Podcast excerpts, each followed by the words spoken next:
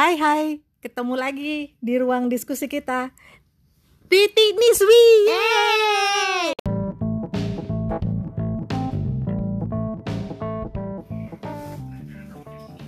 Kenapa namanya titik Nisbi? Nisbi itu artinya segala hal yang bisa diperdebatkan. Jadi di di titik itu kita bisa ngobrolin apa aja, uh, berpendapat bebas, jujur dengan pikiran dan apa yang kita rasakan.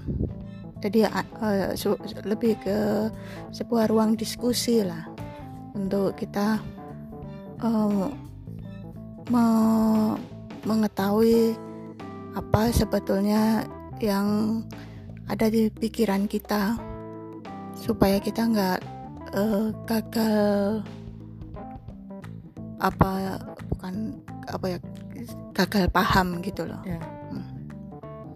Terus harapannya dengan adanya titik nisbi ini ya kita bisa lebih memahami apa yang uh, ada di alur berpikir kita seperti apa terus ber, berpikir secara runut dan harapannya sih ujung-ujungnya menyelesaikan masalah dengan lebih baik ya nggak emosional nggak dengan hmm. pemikiran-pikiran yang salah gitu. Ya ya. ini terkait yang ini apa maksudnya titik nisbi ini terkait sama cita-citamu yang ingin memberantas kebodohan di seluruh dunia. Ya ya enggak juga sih. Pun bodoh hak semua bangsa ya intinya kita bisa apa yang bisa kita lakukan lah berbagi minimal jujur pada diri sendiri pada uh -uh. pikiran sendiri yeah. supaya kita nggak nggak nyakitin orang gitu loh kalau kita bisa berpikir runut yeah. terus kita juga kalau ber, bisa berpikir tepat ya bisa memberikan manfaat baik itu langsung maupun tidak langsung uh -huh. pada orang kan gitu yeah, yeah. ya moga-moga bisa berjalan hmm. lancar ya hmm. Oke. Okay. cita-citanya tercapai.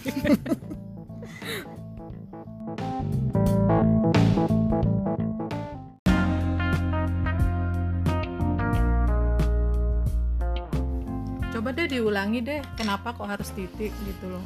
Kan bisa garis bisa koma bisa apa. Kenapa kok titik nisbi gitu? Titik karena terinspirasi dari oh ya karena terinspirasi dari uh, peribahasa karena nila setitik rusak susu sebelanga. Jadi harapannya dari titik ini kita bisa memberi uh, pengaruh yang lebih luas gitu. Hanya satu titik yeah. belanga bisa rusak kan? Gitu eh susunya kan gitu ya. Jadi uh, ya dari hal yang sederhana dari yang kita lakukan hmm. ngobrol hmm. santai yeah. jujur pada diri sendiri itu hmm. jadi satu titik yang harapannya akan menjadi sebuah garis garis yeah. menjadi bidang bidang menjadi ruang yeah. ruang menjadi sebuah lingkungan yang lebih luas lagi yeah. artinya dapat memberi pengaruh-pengaruh besar ketika kita menjadi pribadi yang lebih baik hmm. lingkungan pun akan uh, ter uh, terpengaruh untuk menjadi baik juga gitu yeah, yeah.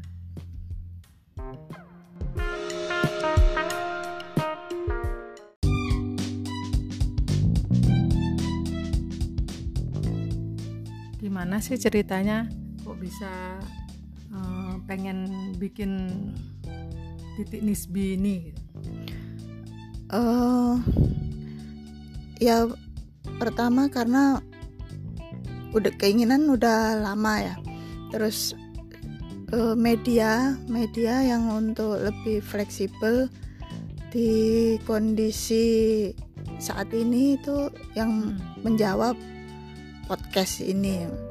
Atau audio record recording ini.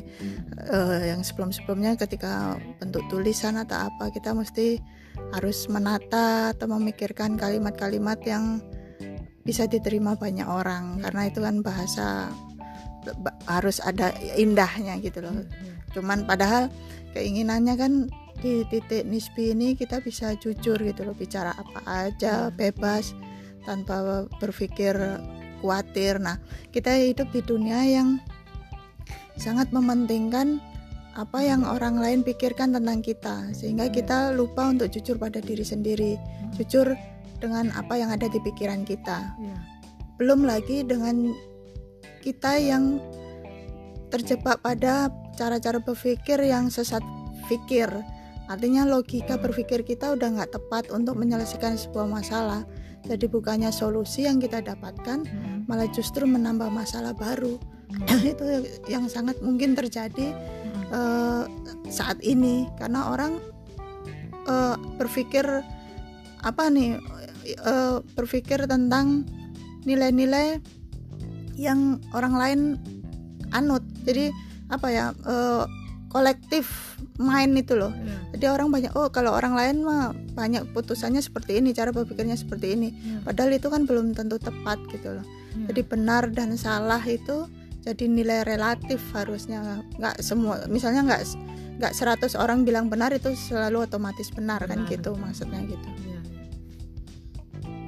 makanya di di titik nisbi ini kita mencoba untuk eh, menghargai tiap individu tiap cara berpikir orang gitu ya Hmm. dengan orang boleh berpikir apa aja Iya. selama itu eh, niatannya untuk kebaikan gitu loh Atau- Bebas-bebas aja ya. bebas bebas berpendapat itu ya bo- eh, sangat dilindungi di negara ini pun Iya. sama undang-undang kan kayak gitu Iya, iya.